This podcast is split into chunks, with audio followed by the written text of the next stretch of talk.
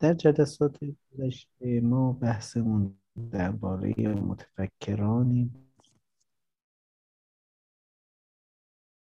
بود که میزیستند و تحت تاثیر افکار و اندیشه های غربی قرار داشتند. ما ضمن توضیح افکار و اندیشه های اونها نحوه تأثیر پذیریشون از متفکرین غربی رو توضیح دادیم. در این جلسه بنا داریم نگاهی به متفکرانی داشته باشیم که در جهان اسلام خارج از ایران به نظریه پردازی مشغولند و تلاش دارند اندیشه اسلامی رو در قالب جدیدی ارائه کنند. Iya. Bismillahirrahmanirrahim.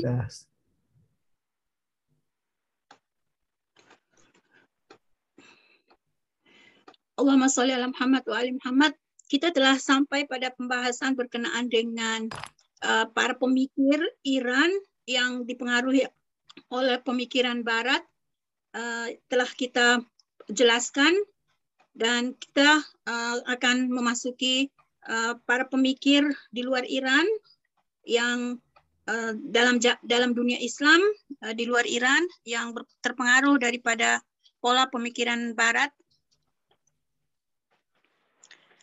sebelumnya akan uh, mukadimah di akan diutarakan. پیش از ورود به بحث توجه به یک نکته لازم هست و آن اینکه وقتی صحبت کنیم به این نکته توجه کنیم که دو اصطلاح معمولا به کار می رود یک جهان عربی العالم العربی و جهان اسلام العالم الاسلامی.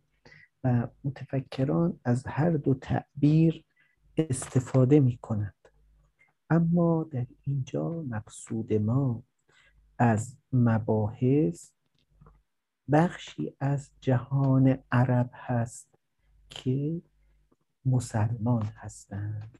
یعنی العالم العربی الاسلامی. بنابراین اگر العالم العربی گفته بشود تعبیر بر اساس نژاد عرب است و شامل غیر عرب ها نمی شود و اگر تعبیر العالم الاسلامی گفته بشود تعبیر دینی است که شامل غیر عرب ها از مسلمانان هم می شود اما ما آنچه که اکنون در صدد بیانش هستیم العالم العربی الاسلامی هستش.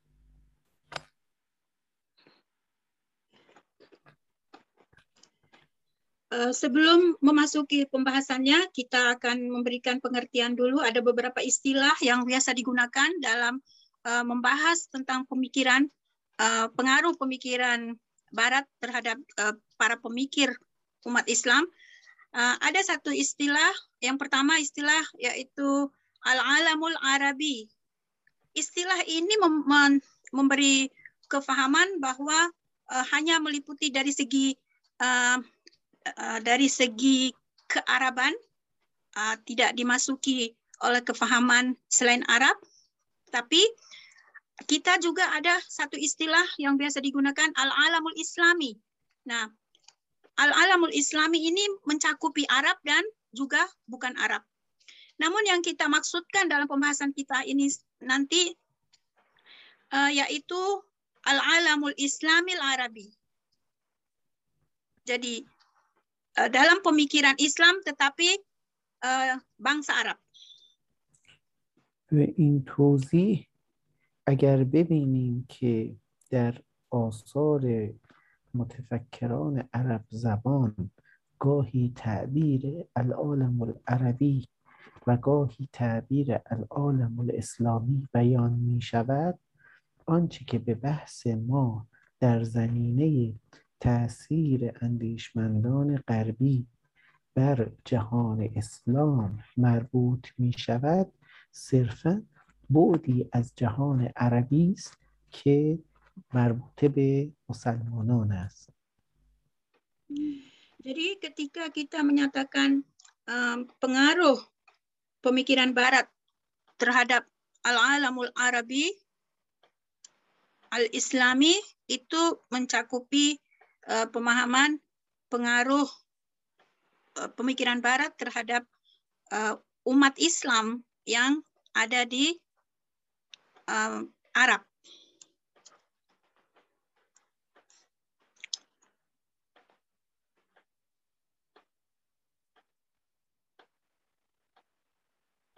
ما در ابتدای بحث نخست یک طبقه بندی از متفکران جهان عربی اسلامی ارائه می کنیم و سپس به توضیح مطلب خواهیم پرداخت.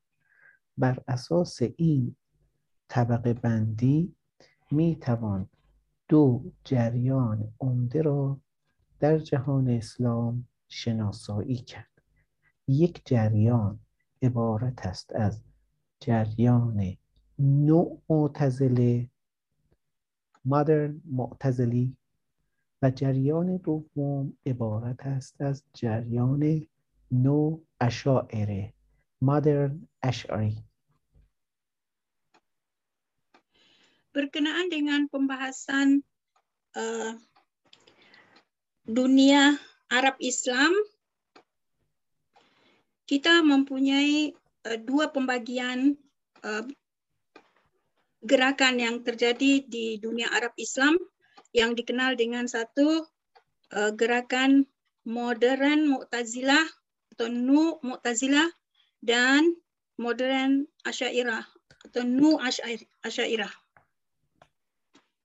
جریان نوع معتزله به کسانی گفته می شود که با مواجهه با آموزه های دنیای مدرن مانند اومانیسم آزادی و لیبرالیسم سعی کرده اند افکار و آموزه های معتزلیان را مورد تجدید نظر قرار داده و با آمیختن آنها با عقل مدرن و عقل خودبنیاد اندیشه معتزله را متناسب با جهان جدید قرار دهند aliran Nu Mu'tazilah uh, di, disebutkan kepada orang-orang yang berhadapan dengan uh, pola pemikiran uh, Barat yang bersifat uh,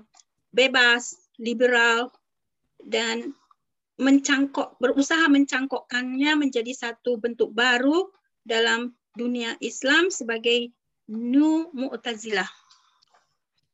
از جمله متفکران نوع معتزله می توان به عبدالله العربی محمد عابد التحتاوی مصطفى کمال طه حسین احمد لطفی السید سلام موسى محمد حسنین هیکل امین خولی نصر حامد ابو زید محمد احمد خلف الله عایشه بنت شاقی حسن حنفی اشاره کرد. Yang disebutkan oleh Ustadz tadi itu adalah kelompok Mu'tazilah, Nu Mu'tazilah. Arabi. در مقابل جریان دیگری هست که به عنوان نوع اشاعره شناخته می شوند و آنها ضمن تاکید بر آموزه توحید افعالی استقلال انسان را در انجام کارها نفی می کنند و از این رو برای انسان آزادی مطلق قائل نیستند. اگر طرفداران جریان اشعری به مناسب سازی اندیشه دینی با مقتضیات جهان مدرن بپردازند به آنها نو اشاعره گفته می شود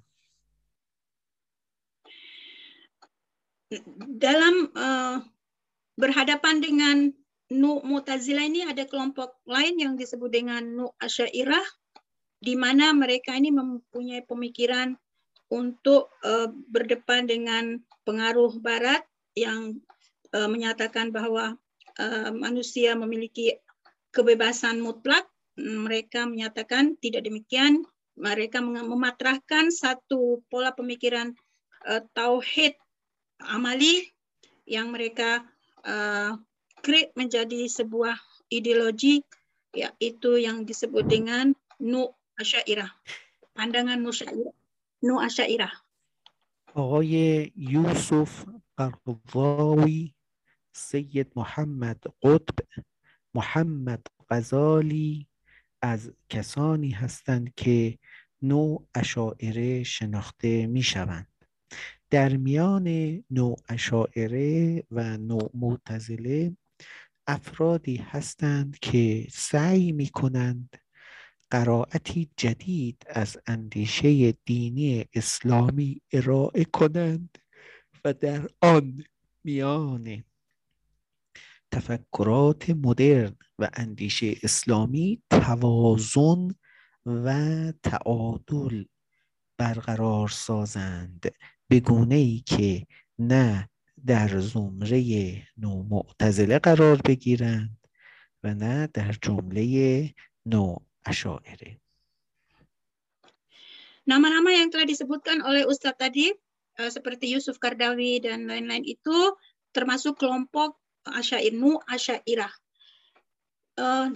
di antara kedua aliran ini, Nu Asyairah dan Nu Mu'tazila ini berusaha untuk membuat satu pemikiran dari uh, karena pengaruh dunia barat mereka memunculkan satu ide untuk bangkit daripada uh, pengaruh yang diberikan oleh pemikiran barat maka bangkit juga satu satu kelompok lain yang berusaha untuk menyeimbangkan pengaruh ini ya, yang disebut dengan kelompok Mu'tadil جمال الدین اسد آبادی محمد عبدو قاسم امین و رشید رضا از کسانی هستند که پیرو جریان اعتدالی و میانه نوع اشاعر و معتزله هستند nama-nama yang telah disebutkan oleh Ustadz tadi termasuk daripada kelompok Mu'tadil yaitu yang seimbang, kelompok pemikiran yang seimbang antara Mu'tazila'i atau dan Asy'ari'i. Mereka kelompok yang seimbang. یکی از کسانی که نوع معتزله شناخته می شود و آثار بسیار زیادی منتشر کرده و در جهان اسلامی عربی بسیار شناخته شده است. حسن حنفی است. ما در این جلسه تلاش می‌کنیم به افکار و اندیشه های او توجه کنیم. Salah seorang daripada pemikir aliran Mu'tazilah dan memiliki pengaruh besar dalam dunia Islam Arabi yang itu yang disebut dengan Hasan Hanafi. Kita sekarang akan mengkaji tentang uh, beliau. آقای حسن حنفی در سال 1935 میلادی در مصر به دنیا آمد او ابتدا به دنبال مباحث فلسفی رفت و در دانشگاه قاهره با جریان اخوان المسلمین آگاه آشنا شد و به عضویت این سازمان اسلامگرا درآمد. ولی رفته رفته و پس از مشاهده برخی خشونت هایی که جریان اخوان المسلمین از خود نشان داد نسبت به جریان اخوان دچار تردید شد و از سازمان اخوان المسلمین خارج شد و به منتقد این سازمان تبدیل شد Hasan Hanafi lahir di Mesir pada tahun 1935 Masehi. Pada permulaan pada permulaannya beliau telah ter, terpaut dengan mas, uh, falsafah dan dia uh, menyelesaikan studinya di Universitas Qahira dan dia juga uh, cenderung kepada pergerakan Ikhwanul Muslimin. Uh, namun pada akhirnya uh, sedikit demi sedikit dia melihat bahwa pergerakan Ikhwanul Muslimin ini telah keluar daripada uh, pada uh, jalur yang ba yang baik uh, mungkin Ikhwanul Muslimin ini mempunyai gerakan-gerakan yang semacam uh, uh, seperti yang kita ketahui sekarang ini ada uh, sudah menyimpang jadi dia pun uh, keluar daripada dan dia ragu terhadap gerakan Ikhwanul Muslimin ini sehingga dia pun keluar daripada kelompok Ikhwanul Muslimin. آقای حسن حنفی در ادامه برای تحصیل فلسفه راهی فرانسه شد و در دانشگاه سوربن به تحصیل فلسفه پرداخت در این دانشگاه بود که او با افکار و اندیشه های متفکرین غربی از جمله ادموند هوسرل از نزدیک آشنا شد. Dalam kelanjutan uh, kuliahnya tentang falsafah, uh, Hasan Hanafi melanjutkan studinya ke universitas. Uh, eh, kemudian di sana uh, dia berjumpa dengan para pemikir barat dan yang sangat uh, berpengaruh dalam pemikiran dia adalah Edmund Husserl. Edmund Husserl. ادموند هوسرل آقای حسن حنفی پس از تحصیل در فرانسه به کشور مصر برگشت و به عنوان استاد دانشگاه القاهره به تدریس فلسفه پرداخت.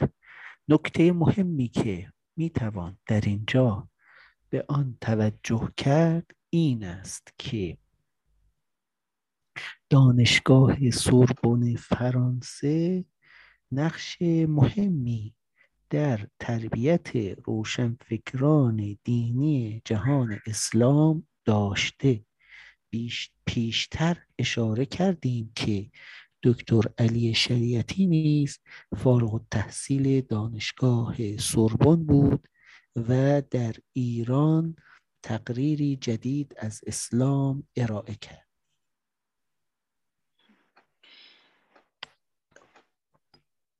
Hasan Hanafi setelah menyelesaikan studinya di France, beliau kembali ke Mesir dan dia mengajar di Universitas Qahira dalam bidang studi falsafah.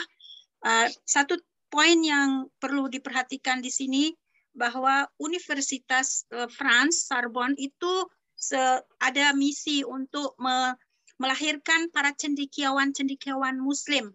Uh, kita juga sudah pernah uh, mempelajari tentang Dr. Ali Saliati juga uh, yang lahir daripada uh, Sorbonne ini, Universitas France ini, dan membawa misi baru ke Iran. Demikian juga yang dilalui oleh uh, pemikir Arab ini yaitu Hasan Hanafi. نکته دیگری که وجود دارد تقابل دانشگاه قاهره با دانشگاه الازهر مصر است در حالی که در دانشگاه الازهر تفکر سنتی اسلامی مطرح می شود و این دانشگاه نفوذ زیادی در مصر بلکه در جهان اسلام دارد به گونه ای که خود را به عنوان مرجع علمی جهان اسلام به شمار می آورد دولت های حاکم بر مصر تلاش کرده اند این دانشگاه را تحت کنترل خود درآورند. Satu poin lain yang dapat diperhatikan adalah uh, hubungan antara Universitas Qahira dengan Universitas Al-Azhar di Mesir. Uh, Universitas Al-Azhar ini uh, satu bentuk universitas Islamik yang uh, yang mempelajari tentang secara sunnati Islam di sana dijaga dan universitas ini memiliki pengaruh besar dalam dunia Islam uh, di Mesir dan bahkan di dunia Islam. Uh, melihat itu penguasa Mesir uh, sepanjang uh, keberadaan sebagai pemerintahan mereka memperhatikan uh, Universitas Al-Azhar ini dan berusaha untuk mengontrol. از این رو دولت های مختلف با جذب اساتیدی که در دانشگاه های غربی تحصیل کرده اند آنها را وارد دانشگاه قاهره کردند و زمینه تأثیر و نفوذ آنها در مجامع علمی را فراهم کردند و به عبارتی دانشگاه قاهره را به عنوان دانشگاه خونسا کننده افکار و اندیشه های دانشگاه الازهر به وجود آوردند. Pemerintahan-pemerintahan Mesir yang hadir untuk memerintah di Mesir uh, berusaha menggait uh, para pemikir uh, yang para pemikir Mesir yang pernah bersekolah di di Barat sebagai akhirnya menjadi cendekiawan Muslim dan mereka uh, datang mempelajar mengajar di Universitas Qahira yang mana menjadikan universitas ini sebagai uh, dianggap sebagai benteng untuk menumpas pemikiran-pemikiran yang uh, konservatif yang dilahirkan oleh uh, Universitas uh, Mesir, Universitas Al-Azhar. وقتی به زندگی آقای حسن حنفی توجه می کنیم می بینیم که او در خانواده ای از طبقه متوسط به دنیا آمد و در کودکی علاقمند فراگیری هنر به ویژه موسیقی شد و این تأثیر خانواده او بود که به هنر علاقه زیادی داشت. بنابراین آقای حسن حنفی در یک خانواده سنتی مذهبی رشد نکرده است. Jika kita melihat per, uh, kelahiran Hasan Hanafi ini dalam sebuah keluarga yang uh, menengah dan uh, memiliki uh, kecenderungan kepada bidang musik, hunar atau uh, seni musik dan kita melihat uh, sangat nipis sekali dia memiliki pengaruh uh, keluarga yang mutadayin atau agamis. بنابراین اگر می‌بینیم او در تفکر و اندیشه خودش به دنبال ارائه تقریر و برداشتی سنتی از اسلام نیست می‌توان نقش خانواده او را در این جهتگیری به وضوح مشاهده کرد. Oleh itu, jika kita melihat pandangan-pandangan beliau, kita akan melihat pengaruh pola uh, keluarga beliau yang demikian uh, dan uh, agak uh, istilahnya tidak sinkron dengan uh, pemahaman Islam sunnati. آقای حسن حنفی هدف خودش از افکار و اندیشه ها را جمع کردن میان سنت و مدرنیته مطرح می کند و معتقد است همه آثار او در راستای توضیح نحوه هماهنگی و سازگاری میان التراث و تجدید هستش. Kita dapat melihat uh, tujuan daripada penulisan-penulisan atau pikir pemikiran-pemikiran Hasan Hanafi ini uh, yaitu uh, pencampuran antara pemikiran uh, modernity barat dengan uh, konservatif Islamik. Jadi uh, seperti dalam tulisan beliau At-Turath wal Tajdid. Wat Tajdid. آقای حسن حنفی استراتژی خودش را بر ارائه تقریری پدیدار شناختی لام استوار می سازد و سعی می کند با نگاه پدیدار شناختی به دین آن را با آموزه های دنیای جدید هماهنگ سازد. Dr. Hasan Hanafi dalam strategi pemikiran beliau itu eh, pada pemikiran fenomenologi, yaitu memandang uh, agama dalam bentuk modern. بنابراین باید نگاه کرد و دریافت که مقصود از فنومنولوژی چیست و چگونه می‌تواند به حسن حنفی در ارائه تقریری جدید از اسلام کمک کند مقصود از فنومنولوژی روشی است که هوسرل در افکار و اندیشه های خود دنبال کرده است. Untuk kita dapat mengetahui pola pemikiran Hasan Hanafi, kita tentang apa yang dimaksud dengan teori fenomenologi yang didapatkan olehnya daripada uh, Husserl juga memiliki uh, suara atau teori fenomenologi ini?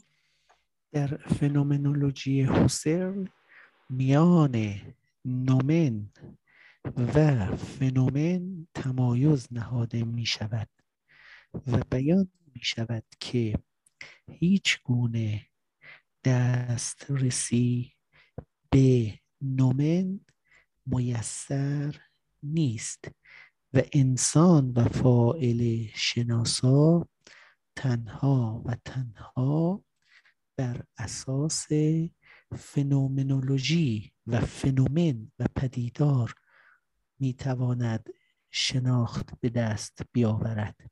بنابراین ما به جای توجه به واقعیت فی نفسه و نومن باید توجه خود را به شناسایی و طبقه بندی فنومن ها متمرکز کنیم dalam pembahasan tentang fenomenologi ini ada dua perkara di mana uh, di dalam uh, bentuk luar kenyataan dengan apa yang ada di dalam pikiran kita itu adalah suatu hal yang berbeda. بنابراین لازم است به طبقه بندی ایدئولوژی ها و فنومنولوژی ها بپردازیم.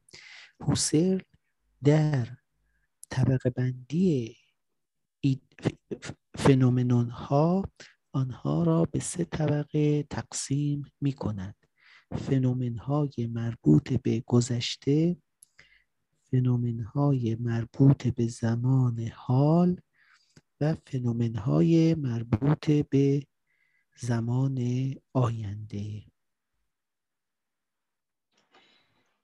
dalam pembahasan fenomenologi ini, dalam teori Husserl ini uh, membagi titik-titik poin daripada pandangan tentang fenomenologi ini yaitu uh, berkenaan dengan apa yang opini kita dalam pemikiran kita itu ada tiga kondisi yaitu berkaitan dengan uh, hal-hal uh, yang lampau, kemudian dalam keadaan sekarang ini dan ide-ide yang untuk akan datang.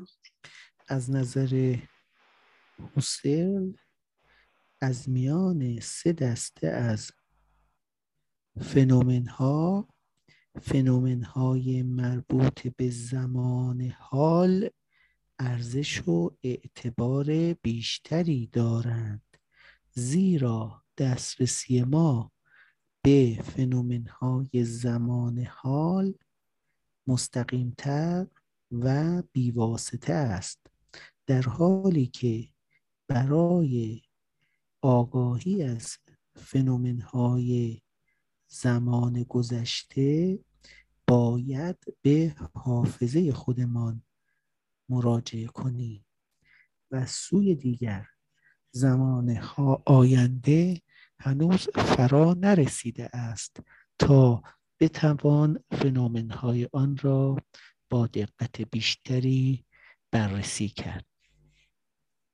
Berdasarkan pandangan Husserl, fenomen yang uh, memiliki nilai lebih daripada yang lain yaitu kondisi sekarang ini, yaitu kenyataan yang sekarang kita hadapi.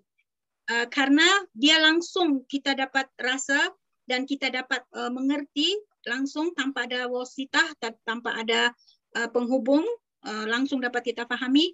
Tetapi fenomen yang lampau itu uh, di uh, melalui kekuatan hafalan kita.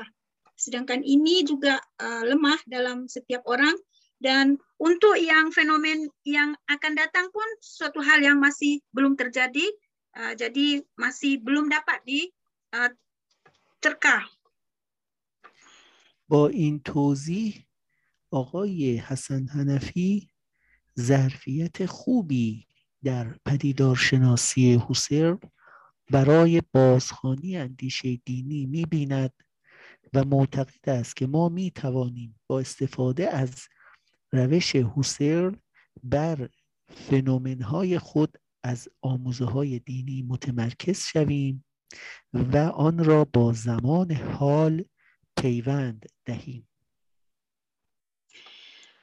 Dr. Hanafi melihat uh, teori fenomenologi ini dari Husserl, uh, dia berusaha untuk mengkaitkan dengan masalah agama, di mana masalah agama membahas tentang masalah-masalah yang lampau, dan dia berusaha untuk mensinkronkan dengan uh, pembahasan di uh, zaman ini. به نظر حسر وقتی ما به پدیدارهای خیش از اسلام در دوره جدید توجه می کنیم می یابیم که با یک خود و دیگری مواجه هستیم.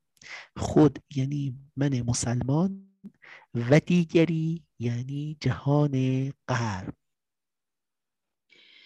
Eh, dalam pandangan Husserl, bagi Hasan Hanafi memberikan pengertian ketika kita kembali kepada diri kita sebagai uh, seorang Muslim, uh, kemudian di luar sana ada fenomena lain yaitu bukan Muslim.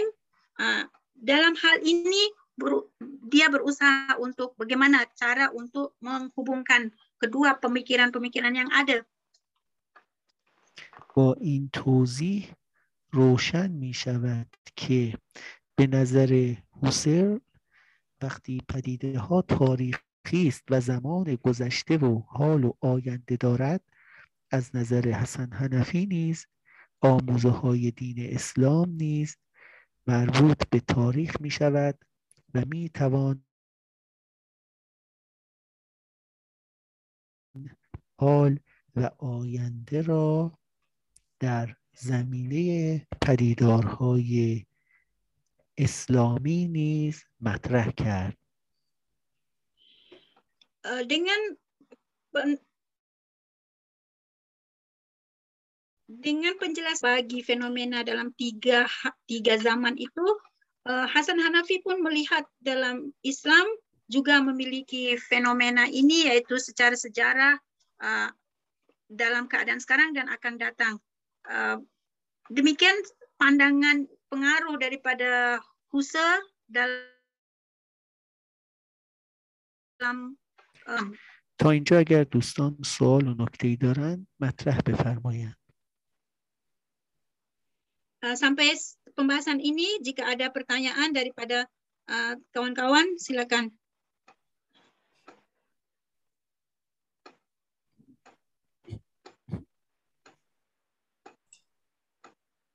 Saya belum, Ustaz. Belum. Beriman Hanus Nadar. بعد توضیح بفرمایید Bu Seha bisa tanya? Ya. Ya. Ya soal dorong. Ya. Silakan. Tadi Prof. Abdi menyebut ada Neo Mu'tazila dan Neo uh, Al-Asyariyah. Uh, kira-kira apa yang menjadi ciri pembeda antara Neo Mu'tazila dengan Mu'tazila klasik? Lantas juga uh, Neo Asyariyah dengan Asyariyah yang klasik. Apakah memang ada hal yang sangat membedakan atau hanya sekedar uh, penamaan era saja atau penamaan zaman saja? Terima kasih Bu. Uh, دکتر فرمودید ما گروه های نیو معتزله داریم در دنیا اسلام و نیو اشعیره سوالی دارم که چه چیزی باعث این تقسیم بندی شده؟ آیا با اون کلاسیک مال کلاسیک یعنی معتزله نیو معتزله با معتزله قدیمی و نیو اشعیره و اشعیره قدیمی چه فرق داره آیا این تقسیم بندی فقط رابطه با زمانی فقط یا چیزی دیگر بله ببینید شکی نداشته باشید که هر متفکر اسلامی وقتی می‌خواهد درباره اصول و آموزه های اسلامی نظریه پردازی کند نمی‌تواند تاریخ اندیشه اسلامی را نادیده بگیرد و با مراجعه به تاریخ اندیشه اسلامی در میابیم که دو جریان عمده وجود داشته یکی اشاعره و یکی معتزله.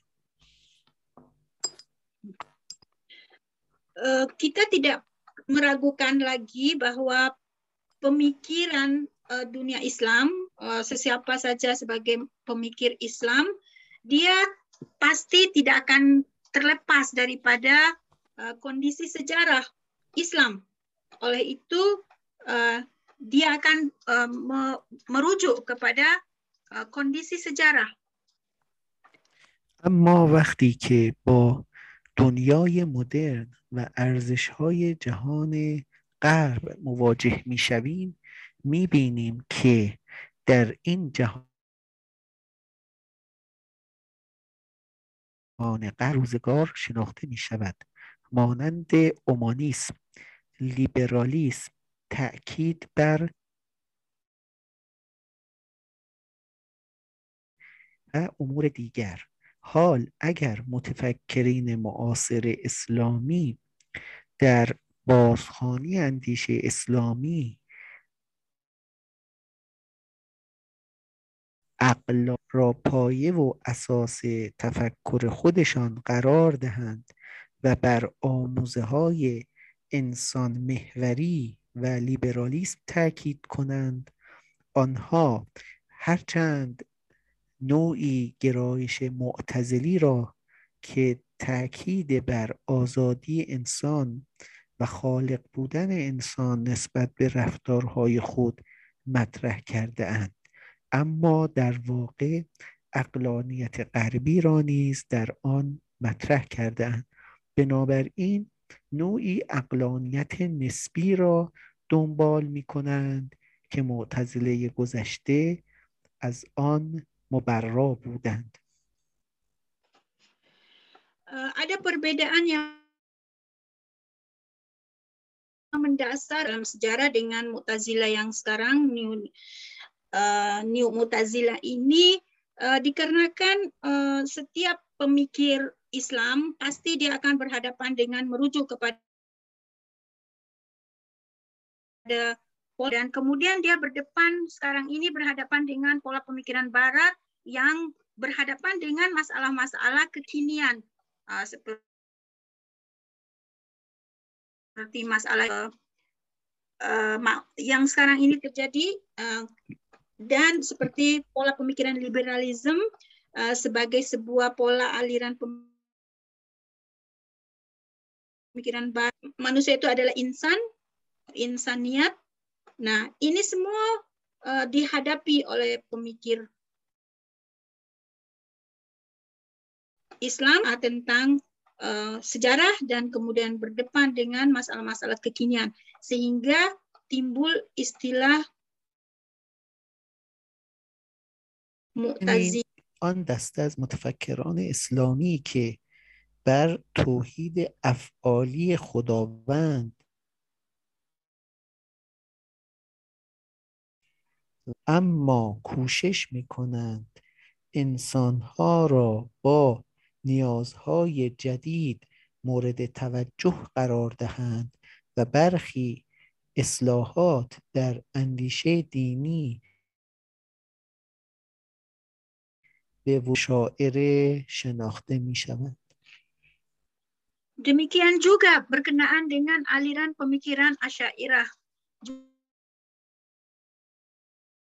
Juga berhadap dia juga melihat sejarah ada aliran pemikiran Asy'ariyah di sana yang membahas tentang uh, afal uh, tauhid afalnya Allah Subhanahu wa taala dan uh, usaha manusia kemudian uh, berhadapan dengan pola pemikiran yang sekarang ini yang dihembus oleh pemikiran barat jadi menimbulkan sebuah pemikiran baru yang disebut dengan Asyairah, New Asyairah. بنابراین روشن می شود که تمایز میان اشاعره و نوع اشاعره و نیز تمایز میان معتزله و نوع معتزله یک تمایز مربوط به زمان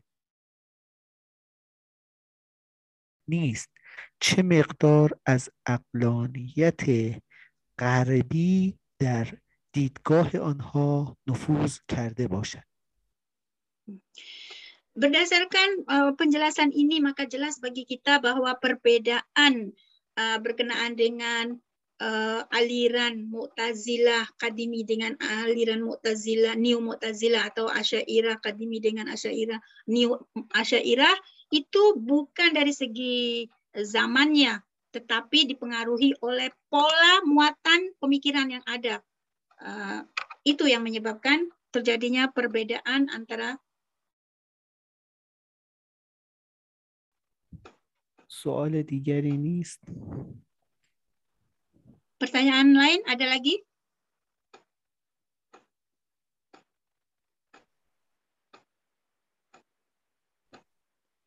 Satu lagi Bu. Bu Zilah yang kita pahami ini kan lebih mengedepankan akal rasio dibandingkan mungkin kalau kalau saya tidak masalah memahami lebih mengedepankan akli dibandingkan nakli gitu ya. Nah, apakah itu bisa diartikan bahwa mereka itu terinspirasi atau terpengaruh oleh cara berpikirnya Imam Hanafi yang dalam khasanah Sunni ya Imam Hanafi ini lebih banyak menggunakan dalil akli dibandingkan dalil nakli. Gimana mungkin penjelasan dari Prof. Abdi mengenai hal ini? فهمیدم این جریان معتزله نشأت گرفته از تفکر یعنی راسیونالیز راسیونال جریان فکران مفکرین که مخصوصا امام حنفی البته یعنی نشأت گرفته از این امام حنفی در تاریخ هست به عنوان امام سنی که عقل گرا هستند ببینید ما دو طبقه بندی در تفکر اسلامی داریم. یکی تفکر فقهی و مربوط به مسائل شرعی که مذاهب اربعه رو داریم حنفی، همبلی، مالکی و شافعی. یکی دیگر تفکر کلامی و اصول اعتقادات که در آنجا با تفکر اشاعره معتزله ماتوریدیه و امامیه مواجه می‌شویم. آنچه که در بحث حاضر مد نظر هست این است که نو معتزله تحت تاثیر آموزه های اعتقادی معتزله بوده اند. اما اینکه در مورد فقه آیا پیرو حنفی بودند یا پیرو شافعی بودند خیلی در اینجا مهم نیست آنچه که مهم است بود اعتقادی است و نگاهی که نومعتزله به آزادی های انسان دارند kita melihat ada dua pembagian besar dalam pemikiran dunia Islam. Cara pandang Muslim terhadap Islam itu dalam sejarah ada dua, yaitu pemikiran uh, fikih dan pemikiran akidati atau kalami. Jadi uh, dalam masalah aliran uh, Mu'tazilah ini atau sekarang kita berhadapan dengan kelompok Mu'tazilah ini adalah mereka yang bermuara kepada pemikiran kalami Mu'tazilah. Uh, ya, da, Mu'tazilah. Jadi uh, berkenaan dengan masalah uh, akidah. Jadi bukan berkait mungkin mungkin orang yang memiliki pemikiran uh, Mu'tazilah itu bermazhab Hanafi juga mungkin, tetapi dalam pandangan keseluruhan dalam masalah pemikiran dunia Islam ada dua yaitu fikih dan kalami.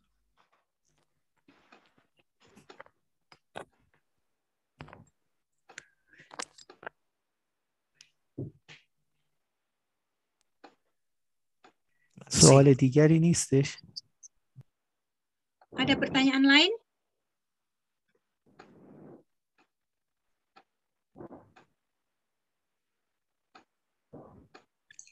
Belum, Ustaz. سلام Hanus, سوالی نیست bale, Hanus نیست.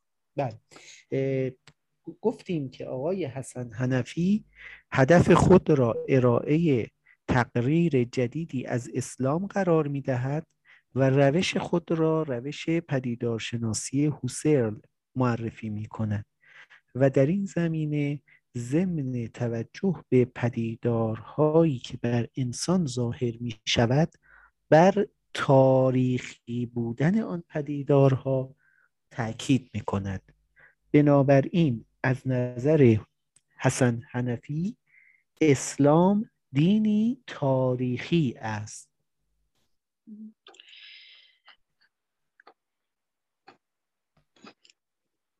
Dalam pandangan Hasan Hanafi telah kita sebutkan uh, dalam tujuan dia, dalam pemikiran dia yaitu uh, meletakkan uh, asas pemikiran percampuran antara pandangan Islam dengan uh, pandangan baru dari Barat, di mana dia menggunakan uh, metode Husserl yaitu tentang fenomenologi.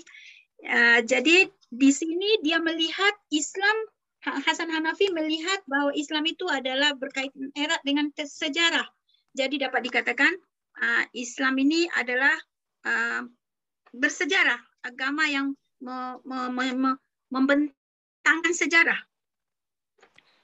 آقای حسن حنفی در ادامه میان خود و دیگری تفکیک می کند و معتقد است که خود و انا یک فرهنگ اسلامی است و الاخر دیگری other یک فرهنگ غربی است و معتقد است هویت اسلامی ما در تقابل با هویت فرهنگی غرب شناخته خواهد شد. از این رو سعی کرده است دیدگاه غربی را معرفی کند و کتابی به نام مقدمتون فی علم الاستغراب در این زمینه نوشته است.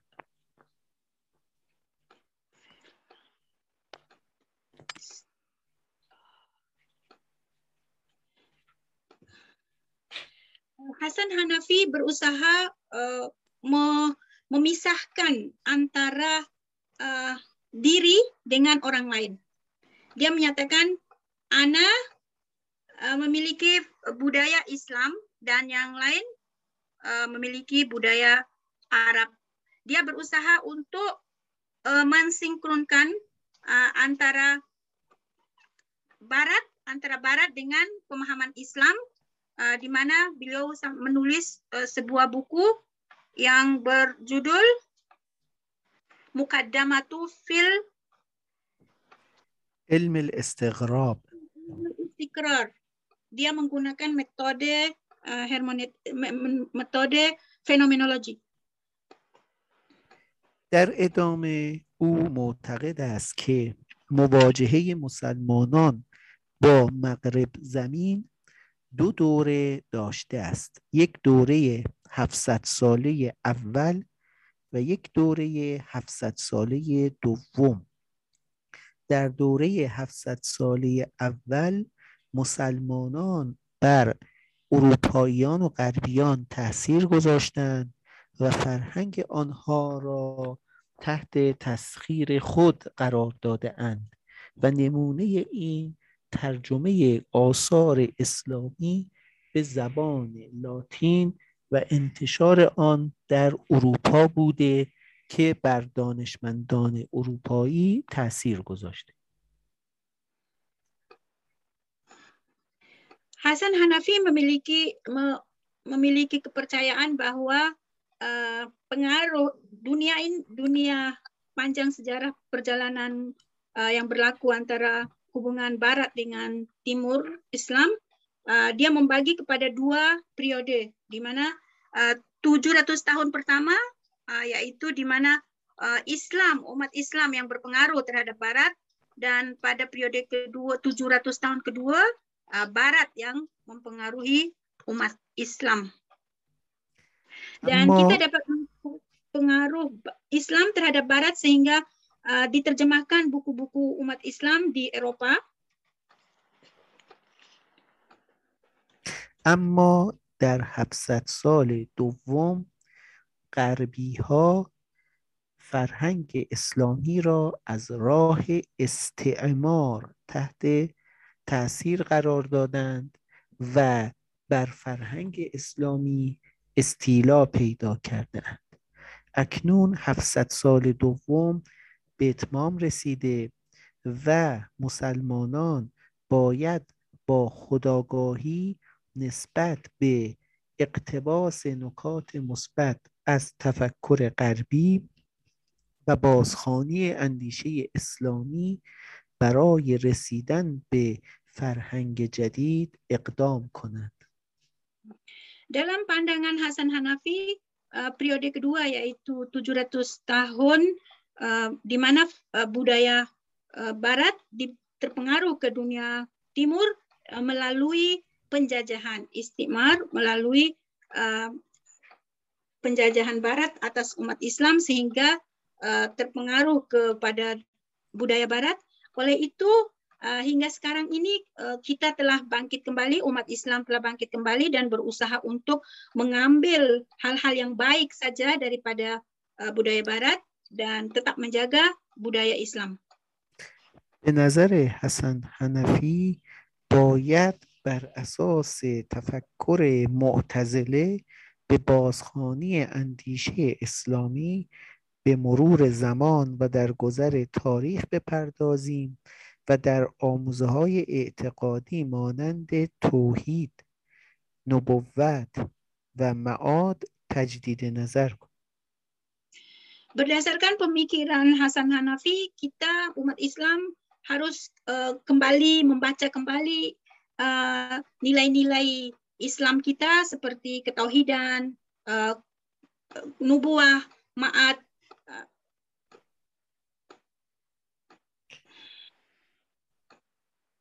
بنابراین به نظر او امروزه الله آن مفهومی که قبلا 700 سال قبل نزد مسلمانان داشت نخواهد داشت بلکه باید ببینیم از الله چه چیزی بر ذهن ما پدیدار می شود آنچه که بر ذهن ما پدیدار می شود امر قدسی و وجود حقیقی نیست بلکه یک مفهوم پدیدار شناختی است. Oleh karena itu, pemikiran kita sekarang, pemahaman tentang Allah contohnya uh, berbeda dengan uh, Allah yang dikenali uh, 700 tahun sebelumnya. Pemahaman Allah sekarang ini bukan lagi perkara yang yang suci, tetapi dia dalam bentuk pemahaman yang lain daripada kenyataan Allah itu sendiri. به نظر او حتی دیگر نباید کلمه الله را به کار برد بلکه باید به جای آن لفظ متعال ترانسندنت را به کار برد Bahkan dalam kata Allah itu sendiri sebaiknya kita jangan sebut kalimat Allah itu sebab tidak sesuai dengan kenyataannya. Kita patutnya kita sebut uh, muta'al yaitu suatu hal yang transenden. Kita baru tepat kita uh, mem mem memahami tentang Allah. ترانسندنت یعنی آنچه که انسان آن را ماورایی تلقی می کند و آری از هر گونه قداست است.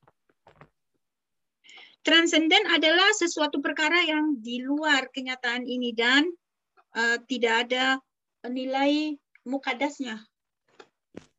بنابراین باید ما از عقیده به سوی انقلاب حرکت کنیم و از باورهایی که در گذشته داشته ایم دست برداریم و در آنها تجدید نظر اساسی یا انقلاب انجام بدهیم و به پدیدارهای جدیدی برسیم. Oleh karena itu kita harus ada revolusi dalam pemahaman akidah. Uh, kita harus memulai pemahaman yang baru. آقای حسن حنفی در ادامه تاکید می کند که اگر ما برداشت جدیدی از الله ارائه کنیم طبق این برداشت متعال مفهومی است که عکس می کند و دیگر نمی توان درباره واقعیت فی نفسه آن صحبت کرد Oleh karena itu, ketika kita uh, mengubah wawasan kita daripada pemahaman kita tentang Allah dalam bentuknya yang kita sendiri sebenarnya tidak dapat menggapainya dan kita mengubah uh, kepada pemahaman yang baru yaitu mutma'al maka uh, mafhum ini akan memberi kejelasan kepada kita uh, bahwa uh, itu sebenarnya ada ke, adalah kefahaman kita mengenai Allah. Oleh itu dia bukanlah suatu perkara yang mukaddas. بنابراین با این نحو تفکر انسان گونه ای اصالت پیدا می کند که حتی مفهوم خدا هم بر پایه دریافت پدیدار انسان معنا می شود بنابراین با نگاه اشاعره گذشته بسیار تفاوت خواهد کرد. Oleh karena itu, dengan cara pandang yang demikian menyatakan bahwa sebenarnya manusialah yang asli dalam hal ini dan uh, manusialah yang memiliki, yang mengkrit, yang membuat sesu, sebuah uh, intuisi dalam diri dia. Dan hal ini sangat uh, berbeda dengan apa yang dipahami oleh Asyairah. و زمینه فراهم می شود که ما بر آزادی های انسان و نقش انسان در افعال خودش تاکید کنیم. Oleh itu akan memberi uh, maidan untuk maidan untuk kita memiliki pemikiran yang bebas. اگر سوالی مطلبی هست مطرح بفرمایید. Jika ada pertanyaan, silakan di, dibentangkan. Naam, Rahman dibakshid Ustaz. Ya, saya insya Um, Ustaz Sekha, Ustazah. Um, ya. Beberapa tokoh yang uh, dianggap memiliki bunyi memiliki pengaruh pemikiran barat yang di, yang sudah kita uh, bahas ya Ustadz. Uh, misalkan Ali Syariati kemudian uh, Sabestad uh, Sabestadi ya. Kemudian uh, Hasan Hanafi. Um, mereka terpengaruh dengan pemikiran uh, ataupun ya pemikiran uh, di Paris ataupun di di di Prancis.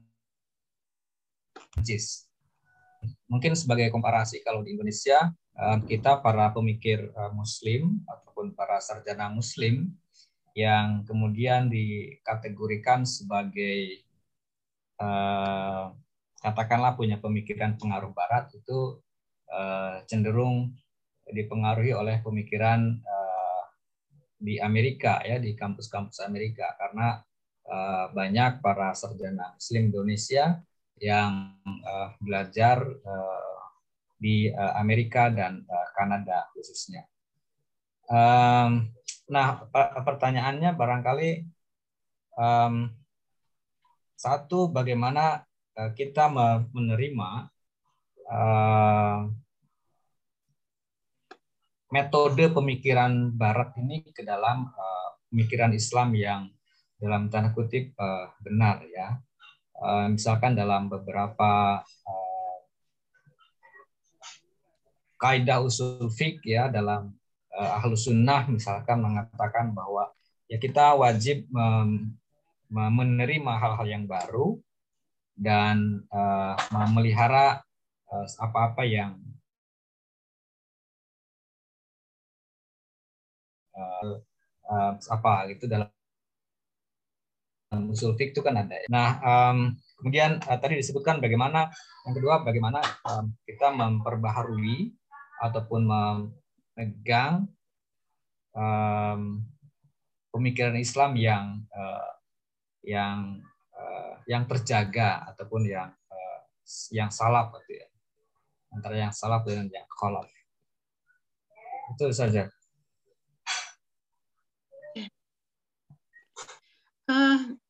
ما چند تا دانشمندان یا متفکران مسلمان که تحت تاثیر تفکر غربی آشنا شدیم از این مباحث در این کلاس. مانند علی شریعتی، سبستری، حسن حنفی.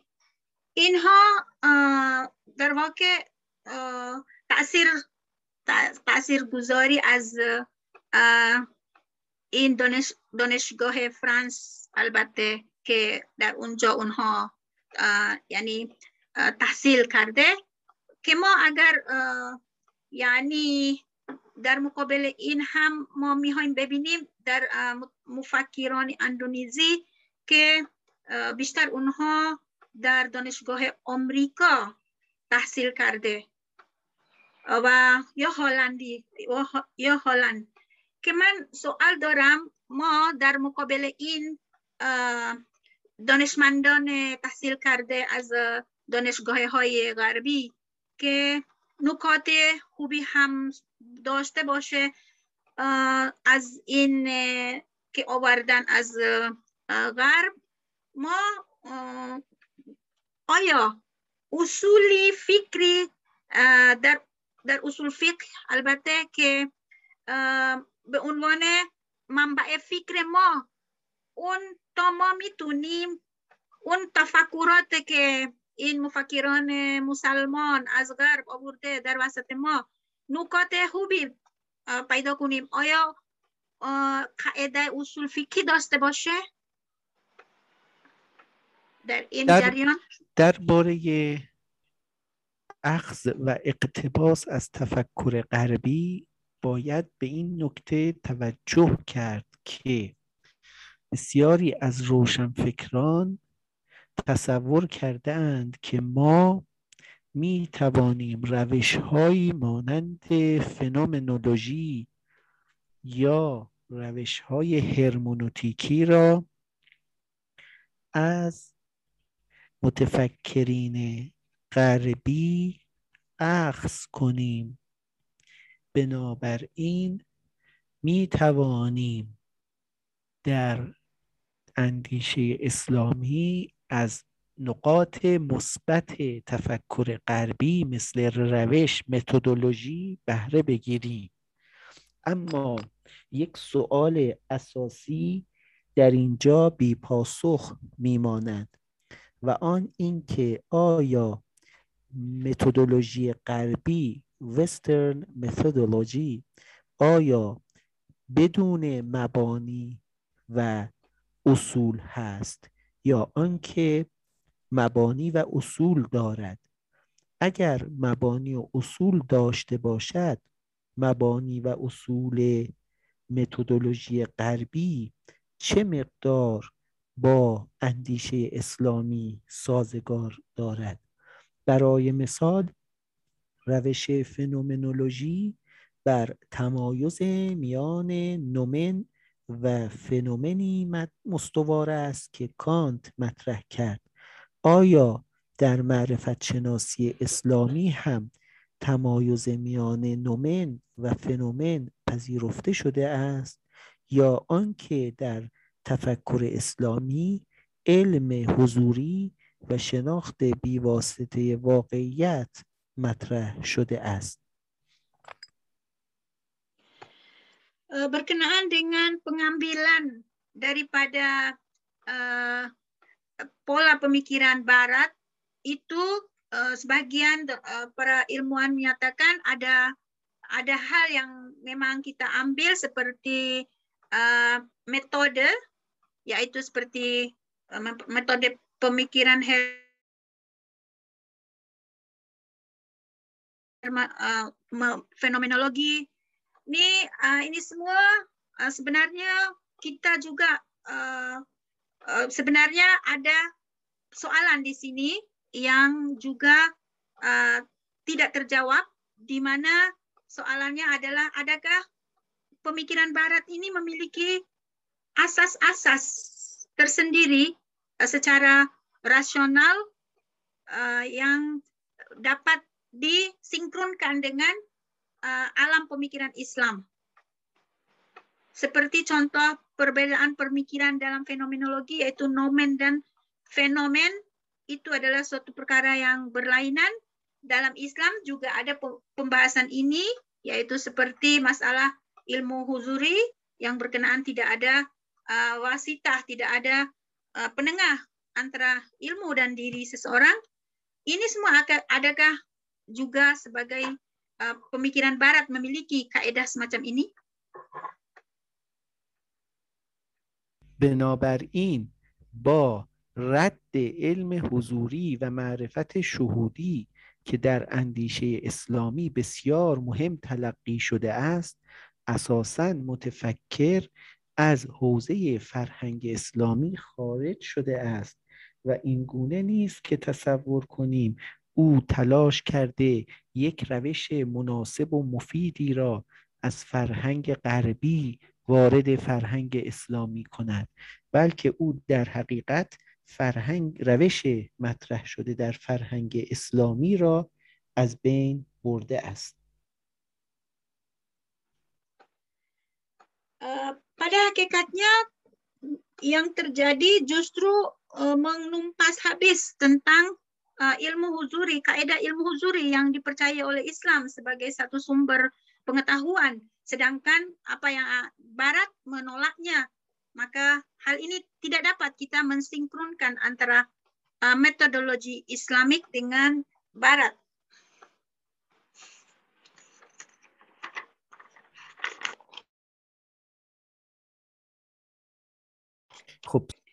Jika ada poin-poin yang bisa diutarakan, dipersilakan.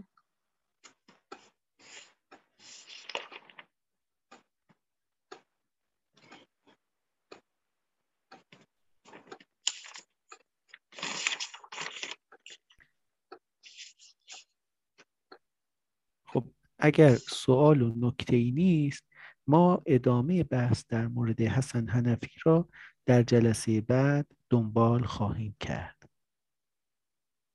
Jika tidak ada pertanyaan uh, berkenaan dengan pembahasan tentang Hasan Hanafi, kita akan melanjutkan pada um, pertemuan yang akan datang.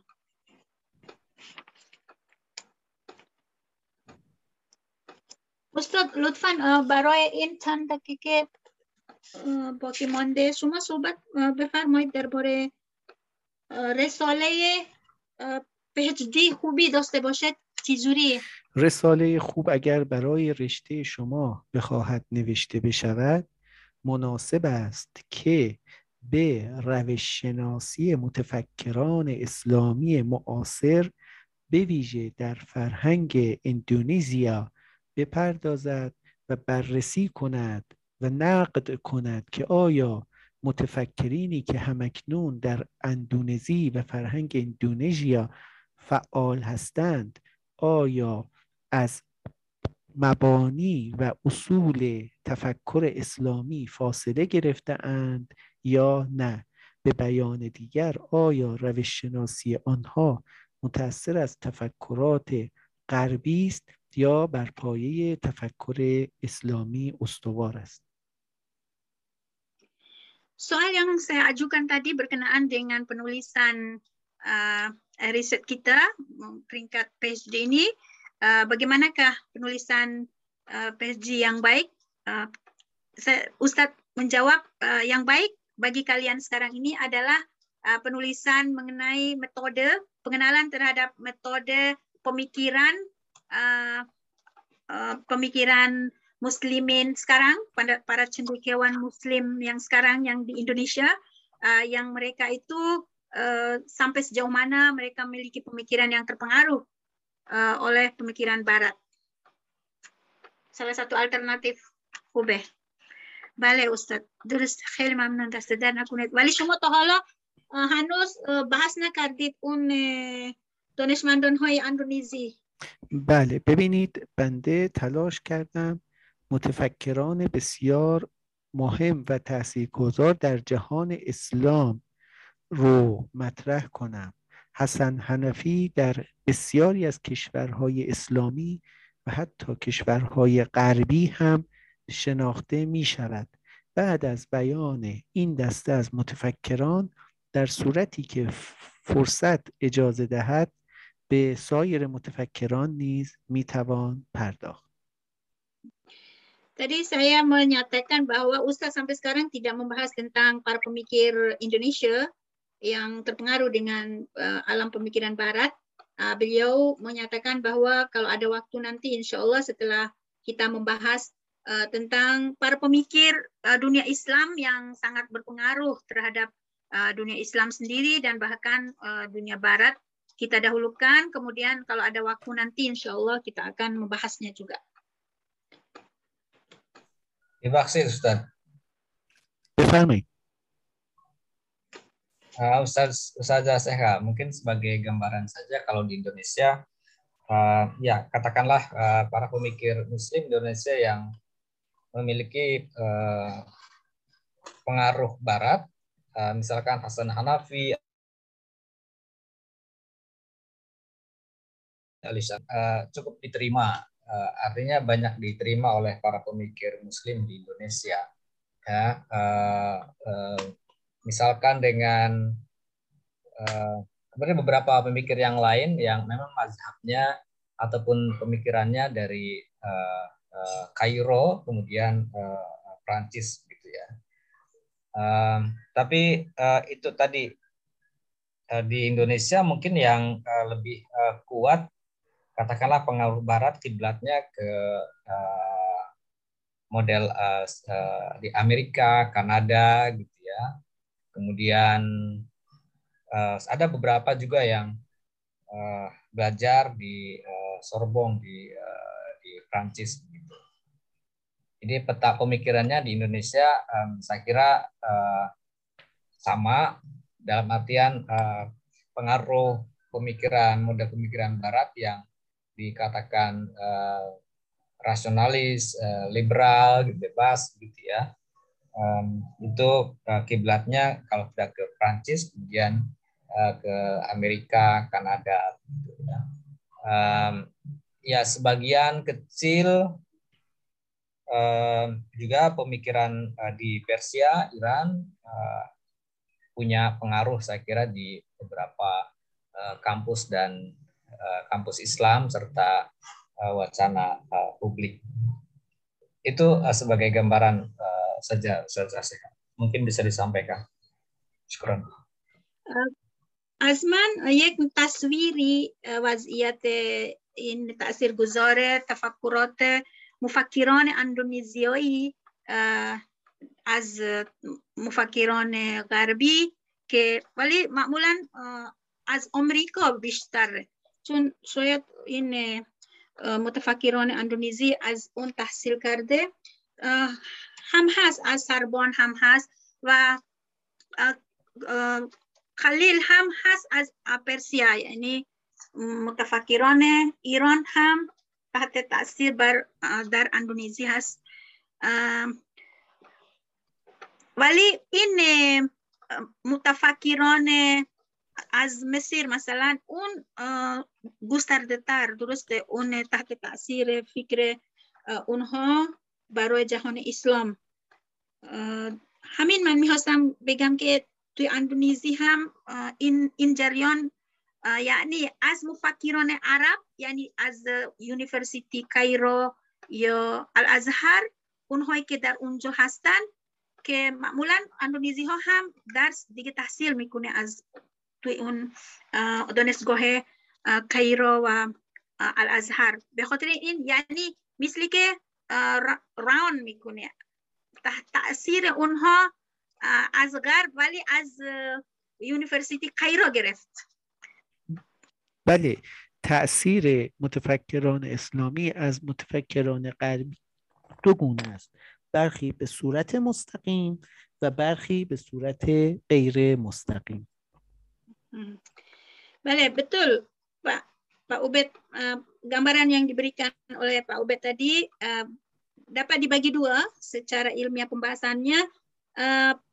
Pengaruh pemikiran ini dapat dibagi dua yaitu ada kelompok-kelompok pemikir yang uh, mustakim yang langsung derek uh, terpengaruh daripada pemikir barat. Ada juga yang melalui pemikiran-pemikiran lain baru sampai kepadanya. Mungkin yang kelompok kedua ini Indonesia para pemikir Indonesia banyak terpengaruh daripada para pemikir Arab yang dihasilkan di Universitas Al Azhar atau di Kairo mereka bawa ke Indonesia ini juga ada fenomenanya خب اگر سوال و نکته نیست ادامه بحث را در جلسه بعد دنبال بکنیم jika tidak ada lagi pertanyaan atau apa-apa kita akan lanjutkan pada pertemuan yang akan datang tadi Pak Ubed betul.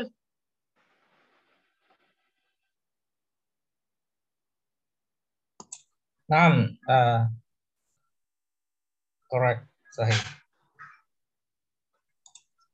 بله استاد تمام شد انشالله موفق و معید باشی تا هفته بعد خدا حافظ شما خدا نگهدار sampai خدا jumpa حافظ lagi تشکر استاد خدا حافظ فی امان الله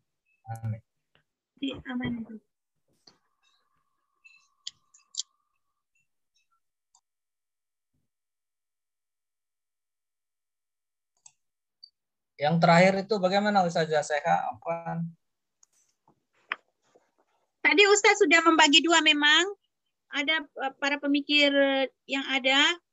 Ini ada yang langsung terpengaruh daripada universitas yang dia pernah lalui. Misalnya di Sorbonne atau di Amerika. Ini semua ada yang terus turun ke uh, kembali ke negaranya membawa pemikiran-pemikiran ini. Ada juga pengaruh itu melalui orang lain. Jadi ada penengahnya, misalkan uh, pelajar Indonesia pergi ke Kairo. Di Kairo sana ada uh, para ustadz-ustadz pengajar daripada uh, Universitas Barat.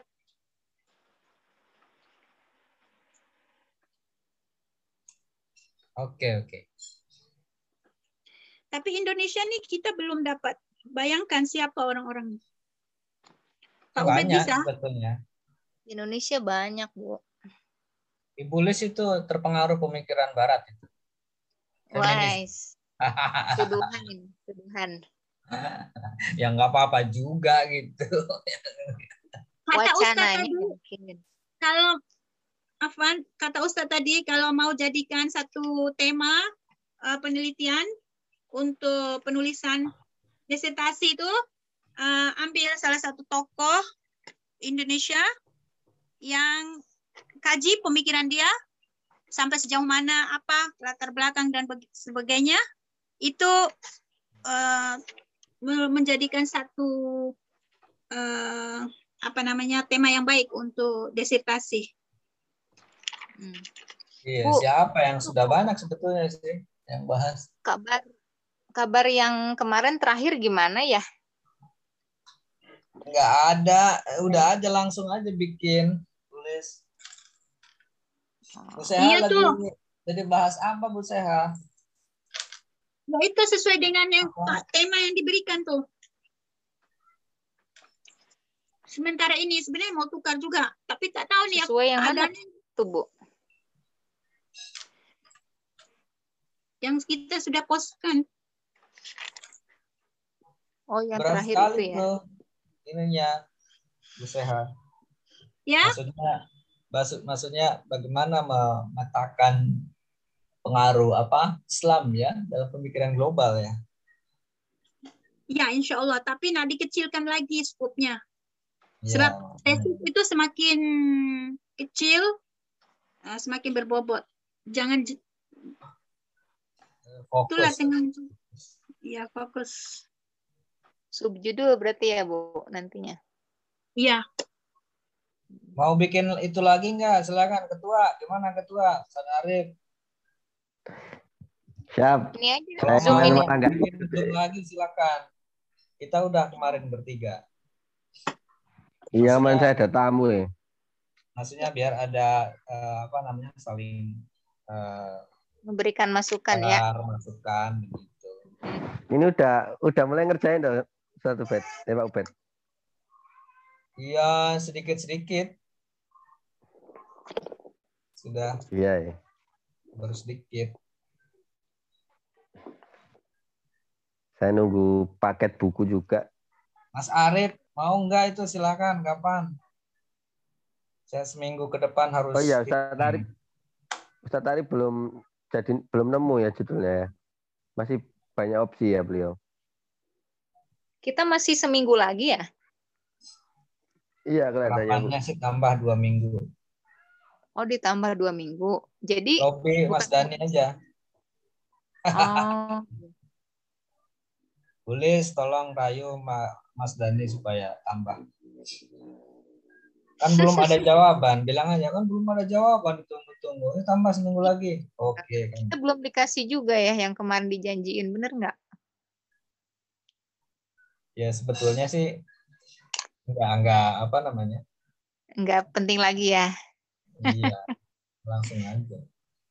Kalau saya kalau sudah kan pasti sebetulnya ya. kan yang namanya karya eh, penelitian ini kan karya disertasi ini kan gabungan ya antara kita mahasiswa dengan pembimbing kan. Makanya diajukan judul itu maksudnya ada nggak pembimbingnya yang yang bisa uh, mengampu itu kan dengan kita gitu yang sinkron. Kalau tidak ada kan ya berarti cari opsi lain kan. Nah, yang di para para asatid ya. Betul nggak? Kalau di luar itu kan berarti harus dinegosiasikan. Ya aslinya ya, sih Ubed. harusnya inisiatifnya gagasannya dari mahasiswa. Mm -mm, benar, kan kemarin sudah tuh di, diberikan, tapi belum ada jawaban kan? Belum. Mm -mm. Apakah ini disetujui atau tidak? Tanya Mas yang... Sebetulnya satu aja sih boleh-boleh aja satu. Satu aja pusing kan, saya. Benar, pusing banget. Nggak, tapi pusing kalau banget. saya sih dari awal pengen nulis itu memang. Udah udah meriset ya. Iya, kebetulan ya ada data-data yang sudah lumayan lah. Enak itu udah tinggal running aja kalau udah dari awal.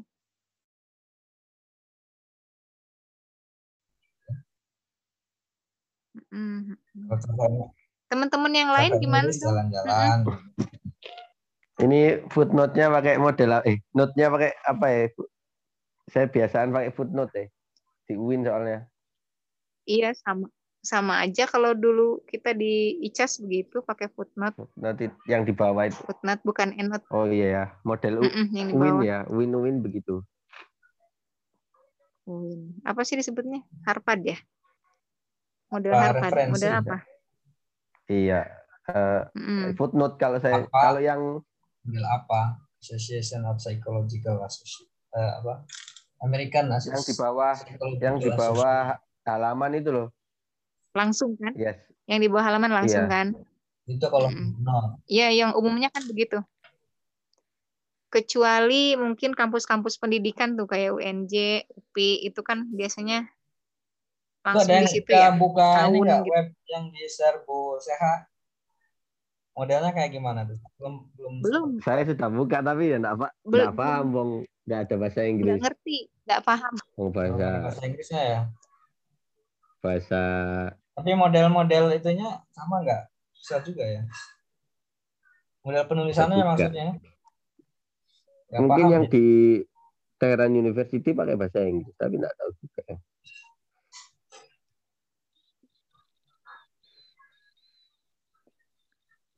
Iya, Proposal itu nggak terlalu banyak kan ya, paling 20 halamanan ya. banyak Saya banget sih tuh begitu kalau saya. Bukan maksudnya Kebanyakan ya. 20 halaman itu apalagi bahasa Inggris berat. Kalau bahasa Inggris kan lebih simpel ya. Iya lebih tebal. 10 Belum. sampai 12 halaman. paling ya. 10 12 halaman. Ini baru satu halaman. Sebenarnya banyak Baru Itu pun halaman tetapi judul. sudah ada. Aduh. Yang penting 5W1H lah ya.